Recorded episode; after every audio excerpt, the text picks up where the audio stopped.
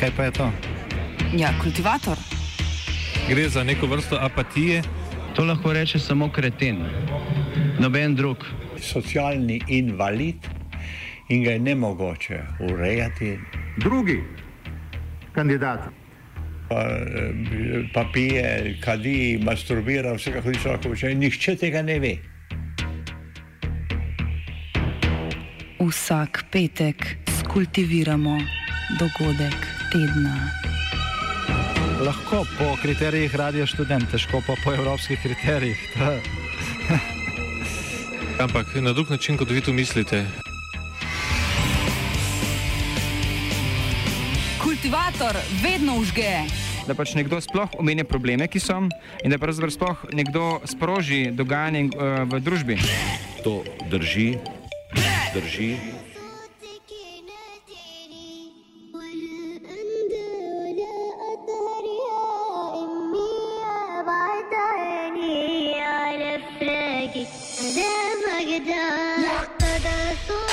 Pravljica o črnem šejku z zelenim cedrom.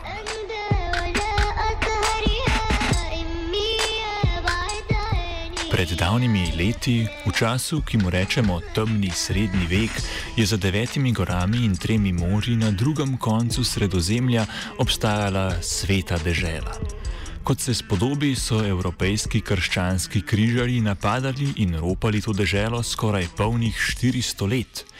Veliko stoletij kasneje je na tem koščku zemlje vladavino Osmanskega cesarstva prevzela Francija, a le za nekaj let. V času, ko smo se Slovenci ravno prav začenjali deliti na rdeče in bele, je Libanon postal samostojna država.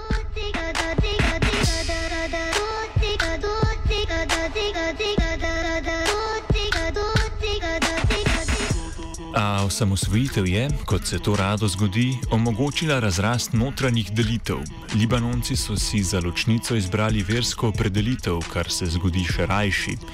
Delitve so privedle do vojne med letoma 1975 in 1990, ki je prerasla državne meje, saj sta se v boj med verskimi ločinami vključila sosednja Izrael in Sirija in verjetno še kdo. Ob koncu vojaškega spora so se sprte strani dogovorile, da bodo ponovno delovale v smeri manjšanja vpliva razlik med ločinami in demilitarizacije območja. Karim Šaib, neodvisni novinar iz Libanona, predstavi, kakšno je razmerje med ločinami in kako pripadnost določeni skupini vpliva na politično moč.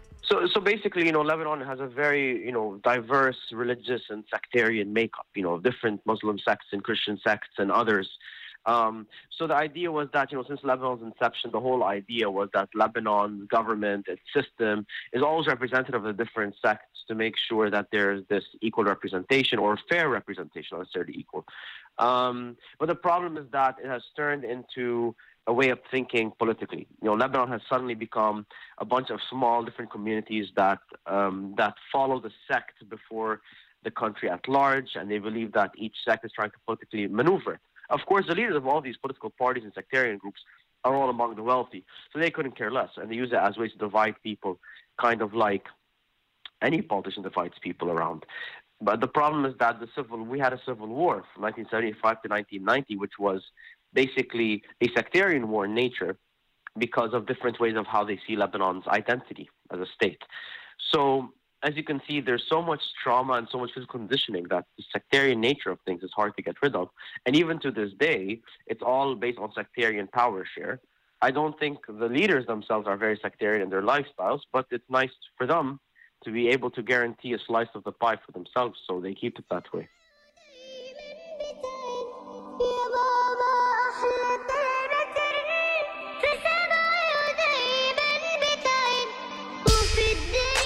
Mirovni sporazum ni zalegal. Večje politične spremembe so se zgodile šele desetletje po končani vojni. Po smrti sirskega predsednika in hkrati premijeja Hafeza al-Assada leta 2000 so tuje vojske, izraelska prej kot sirska, počasi odkorakale iz Libanona. Po desetletju atentatov in posebnem sodišču za Libanon, ki je odločal o krivcih atentatov, so večji politični pretresi nastopili šele v tem desetletju. Posledica arabske pomladi, ki je zamenjala številne režime v regiji in zanetila nekaj vojaških spopadov, je tudi povečanje števila prebivalstva Libanona. Država, ki je že tako gostila dokaj dobro organizirano skupnost palestinskih beguncev, je v času sirske vojne sprejela še okoli milijon in pol beguncev.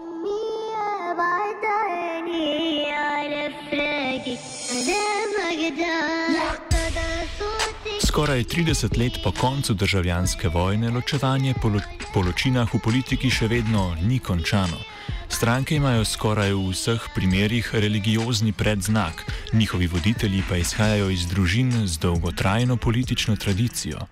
Vsaka politična stranka skrbi za svoje, kdor se ne opredeljuje v okviru verskih ločin, pač nima političnega pokrovitelja.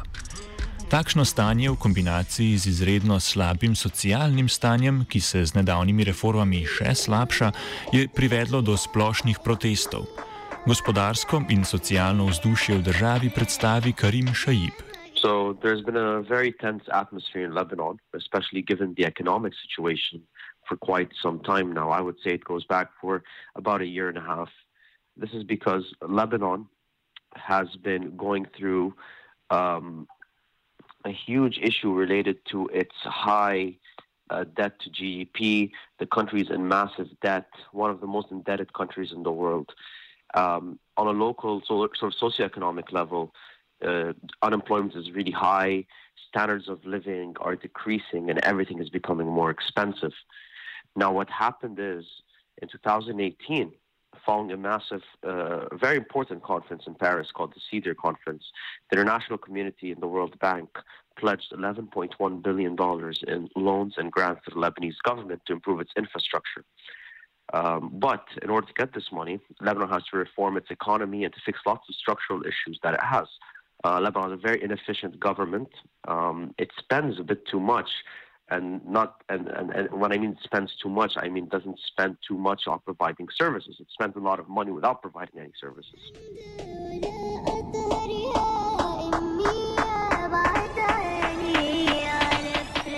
Vlada je seveda slabo gospodarsko sliko poskušala rešiti z zategovanjem pasov. Seveda ne svojih, temveč pasov prebivalcev. Ti naj se med seboj dogovarjajo, katera ločina se mora bolj žrtvovati za skupno dobro. So the government, uh, you know, announced that austerity measures will be very important. They need to cut government spending. The problem is that there's a large population of Lebanese who work in the public sector. I mean, one of the reasons that they are not under the poverty line is because they rely on their monthly salaries in the public sector. And given that, you know, um, there are barely any public services in Lebanon to begin with, many Lebanese rely on even the little that the government offers. Now, what happened is um, is that people were wondering why aren't we uh, trying to tax the rich or the banks to save money, right? So the Lebanese banks are extremely protected um, because you know uh, we have a, um, a U.S. currency peg, right, which means that the Lebanese lira's value is connected to the U.S. lira. So the banks are always protected to make sure that they never run out of U.S. dollars. Um, and so over time, the government started to to give more regressive taxes. They start adding taxes here, taxes there, extra fees here, extra fees there, to ordinary working people and consumers, not those that affect people with massive properties or the rich.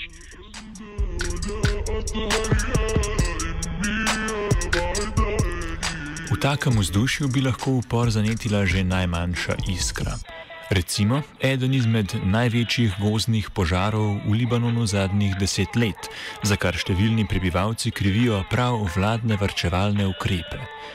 A množične proteste, ki so se hitro razširili iz prestolnice Beirut po celotni državi in trajajo že deveti dan, je sprožilo obdavčenje aplikacij za kriptirano komuniciranje. Verjetno zato, ker se večina sodobnih uporov najplodneje širi ravno na kriptirani ravni. Tam nas veliki brat ne vidi. Sprva so mediji protest poimenovani kar WhatsApp revolucija. Now, what happened last week, the cabinet passed a new series of taxes to be discussed and finalized in parliament. One of them being what people call a WhatsApp tax, which is basically a tax for any uh, voice over internet protocol software, so WhatsApp and Viber and you know these kinds of things. People didn't respond well to that at all. They thought it was ridiculous.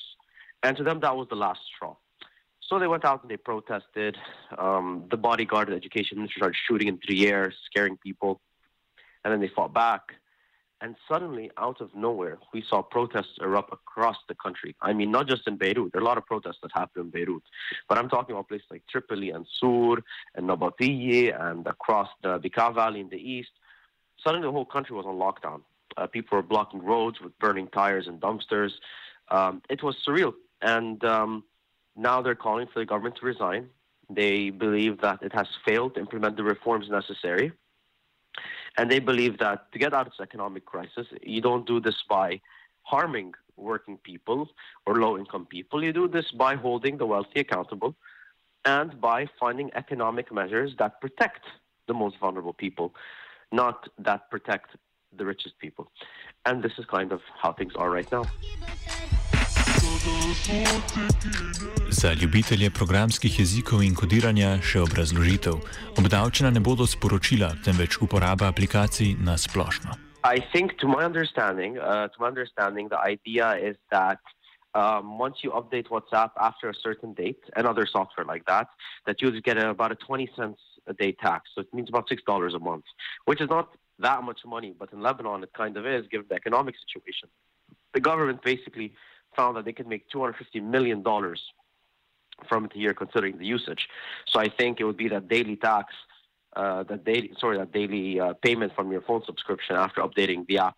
The point is they did revoke this uh, tax after people write it for several hours, but uh, they really they didn't realize that the protests were about more things. It was more than just that, and at that point it was too little, too late. Um, you know, they felt that the government's trying to put their hands in all their pockets. Nazaj na politiko. Upor je vsekakor presegal nasprotovanje obdavčanju uporabe aplikacije. Protestniki namreč zahtevajo korenito spremembo političnega sistema. Presenečenje pa je sprožil premik v mentaliteti Libanoncev. Prvič se ne delijo glede na ločine, ampak skupaj, kot Libanonci, zahtevajo odstop vlade in vzpostavitev primernejšega sistema. Šajib ta premik poimenuje vznik pozitivnega nacionalizma. Yeah, you know the sectarian differences thing. It's it's it's very relevant. You know we've had some large movements before, not like this, but we've had some large movements, mostly middle class people who are who live very secular lifestyles. But what makes it significant um, is that you know, first of all, uh, most of the civil society activity happens in Beirut. So the fact that Beirut this is not exclusive to Beirut, the capital. The fact you're seeing in Tripoli and Sidon, the uh, people in Nabati in the south, people places where people would never think about anti-government protesting taking place. They're happening now. There are some places where you're seeing these forms of unity that, like never before, these are people who, for you know, who had a uh, sectarian political way of thinking. Many people, as well, what's different is that they come from uh, backgrounds, uh, political backgrounds that have changed. W- what does that mean? That means that you have lots of people who have, until now or until recently, supported political parties of the establishment. They'll say, Yeah, I've been committed to this politics for 20 years and I've changed my mind. So the fact a lot of people are changing their mind, that's a big deal, considering the political parties that we have have been around or their you know their fathers and grandfathers and relatives. They've been around for decades. They've been around since Lebanon's virtually since Lebanon's existence. So this is a social political transformation among communities we never thought we would see um, happen. So suddenly we're seeing a step from sectarianism to nationalism where we're all Lebanese under the sun and we should all get together. And nationalism does not sound like something that's very progressive in nature but that transition from sectarianism to nationalism is, is seen as a very big shift, considering the, the conditioning from the political parties and the Lebanese political system, which has impacted the way we think and how we, uh, you know, look at the different communities and how we treat each other here. Protest, ob tem, da združuje vse Libanonce, ne glede na etnično in versko identiteto, nagovarja tudi številne begunce, ki bivajo v Libanonu.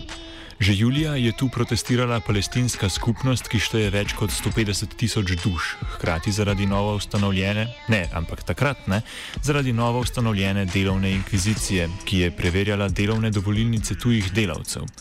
V nekaj dneh je zaprla 600 podjetij, ki so zaposlovala begunce. Tudi tokrat palestinci podpirajo upor, a se ne radi izpostavljajo v javnosti, saj za nje velja strožna zakonodaja kot za državljane.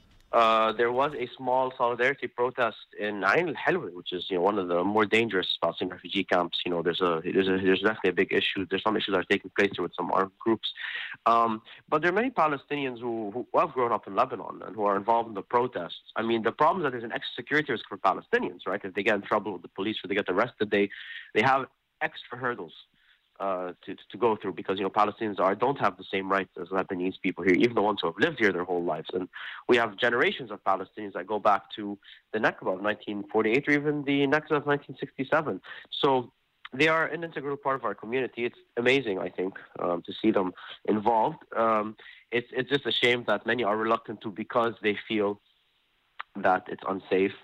Um, the protesters themselves, I mean, in Beirut, they're quite welcoming uh, to these other groups. Uh, there are some places, of course, where they're a bit more xenophobic. It becomes a problem.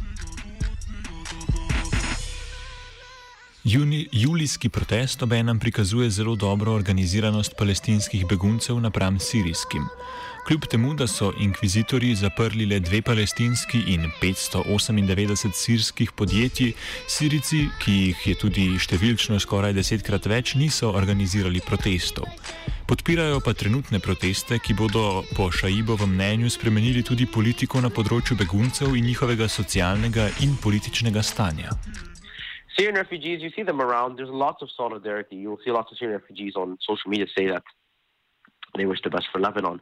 Someone I interviewed in Idlib messaged me and said he wishes us the best of luck. So there's lots of lovely solidarity around.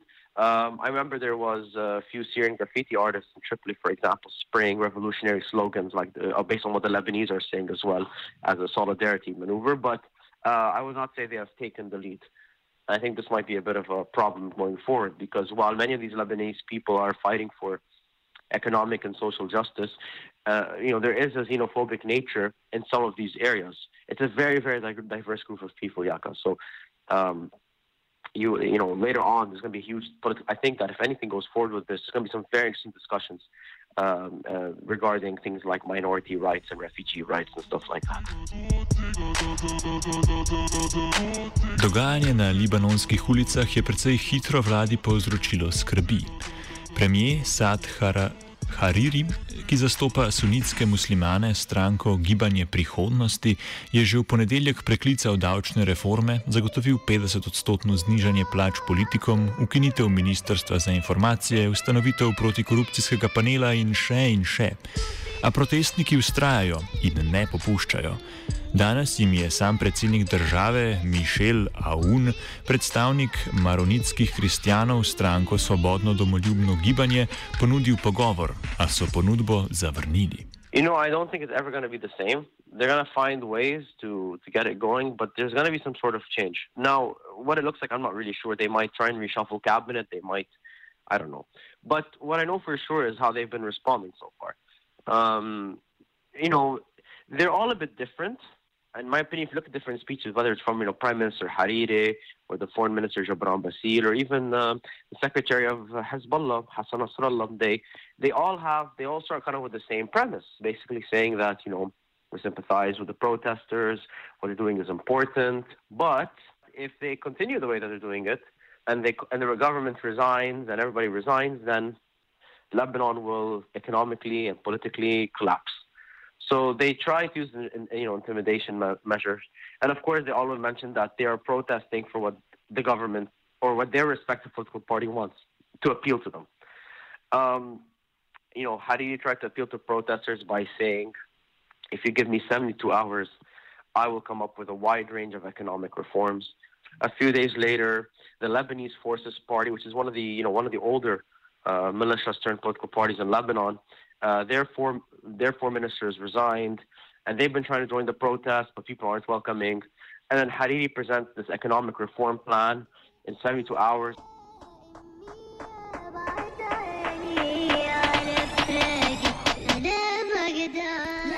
Karim Šarib meni, da je sprenevedanje trenutno politiko, ki temelji na ločinski pripadnosti, stalo zaupanja prebivalcev.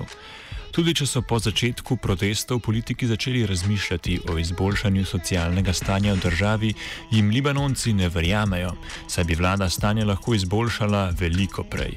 Protesti bodo torej, kot vse kaže, trajali vse dokler nekdo ne zamenja trenutnih oblastnikov. And people are, just angry because they said, well, look, some of these reforms are actually uh, represents representative of what these protesters want in terms of economic justice. But they said, you know, this current rule of the president and the two cabinets that have been under him, you know, it's been around for three years, and uh, you know, not three years, not, not much has happened. So how can we trust the government to implement over the next year a bunch of reforms which they came, came up within 72 hours? So there's also a trust factor which is gone completely. Now, the President Michel Aoun's speech, which was pre-recorded clearly, um, also had a similar tone, basically saying that what I used when I was an MP, I was trying to pass laws that you guys wanted. Um, your victory was that the Prime Minister presented his new reforms, and your second victory will be when you pressure Parliament to pass the laws that I presented many years ago. He called for a dialogue and so on, and then the uh, Minister of Presidential Affairs said that Michel Aoun wants representatives of protesters to go meet so we can hear their demands more. Which is, you know, I think it's, you know, I don't know if it's going to really happen. The the movement is so decentralized, um, and uh, people don't even want to talk to these talk to the government anymore. So yeah, that's kind of the responses in a nutshell. It's been very patronizing, uh, and also a bit. Uh, there's been an attempt to kind of uh, push um, push the protesters away from the streets at the same time trying to delegitimize the protests uh, through online dis- disinformation campaigns.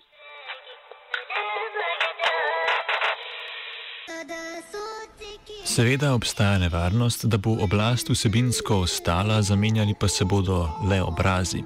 Novi obrazi veliko krat prelisičijo voljivce, kar v Sloveniji poznamo iz lastnih izkušenj.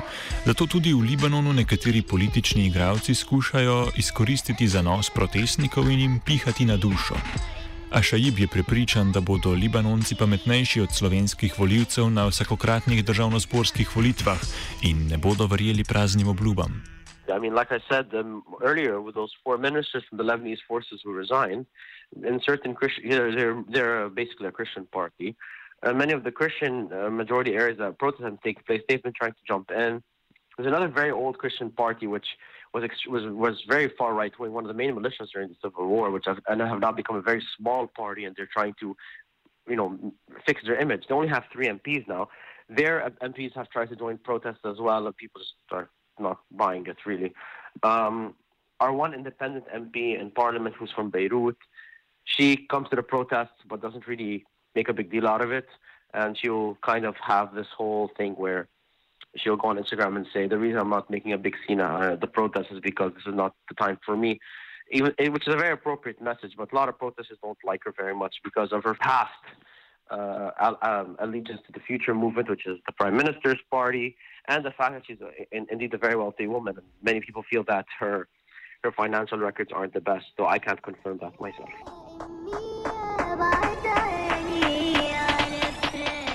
Za konec Karim Šajib izpostavi še eno posebnost protestov v Libanonu.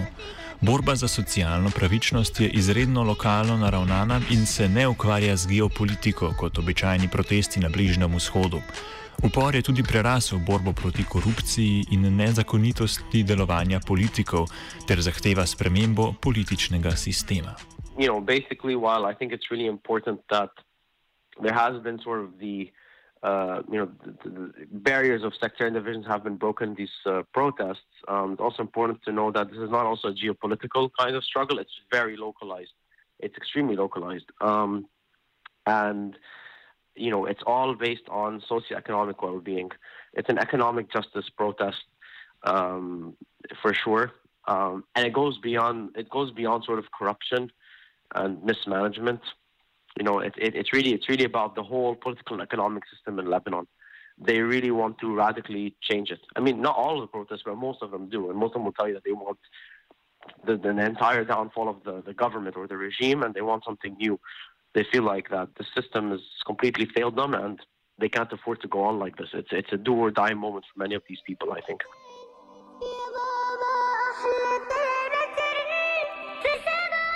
Politična zgodovina Libanona je tako razburkana, da so vsa duhovita poimenovanja za revolucije in upore že zasedena. Recimo, Cedrovo revolucijo so že porabili leta 2005 za proteste, ki jih je sprožil atentat na takratnega predsednika vlade Rafika Haririja. Škoda.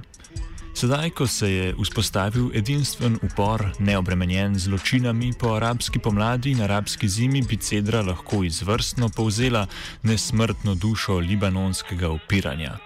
Cedra je namreč zinzeleno drevo iz vrst borovcev, ki ga libanonci uporabljajo na svoji zastavi. Več o flori, fauni in leksikologiji Libanona pa kdaj drugič.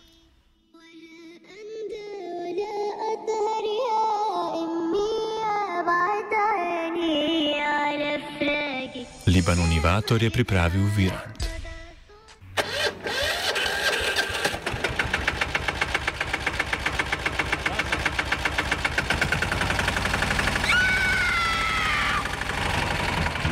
E, kaj pa je to? Ja, kultivator. Gre za neko vrsto apatije. To lahko reče samo kreten, noben drug. Socialni invalid in ga je ne mogoče urejati. Drugi kandidat. Pa, eh, pa pije, kadi, masturbira, vse kako človek počne. Nihče tega ne ve. Vsak petek skultiviramo dogodek tedna. Lahko po kriterijih radio študent, težko pa po evropskih kriterijih. Ampak na drug način, kot vi to mislite. Kultivator vedno užge. Da pač nekdo sploh omenja probleme, ki so, in da pravzaprav sploh nekdo sproži dogajanje uh, v družbi. To drži, drži.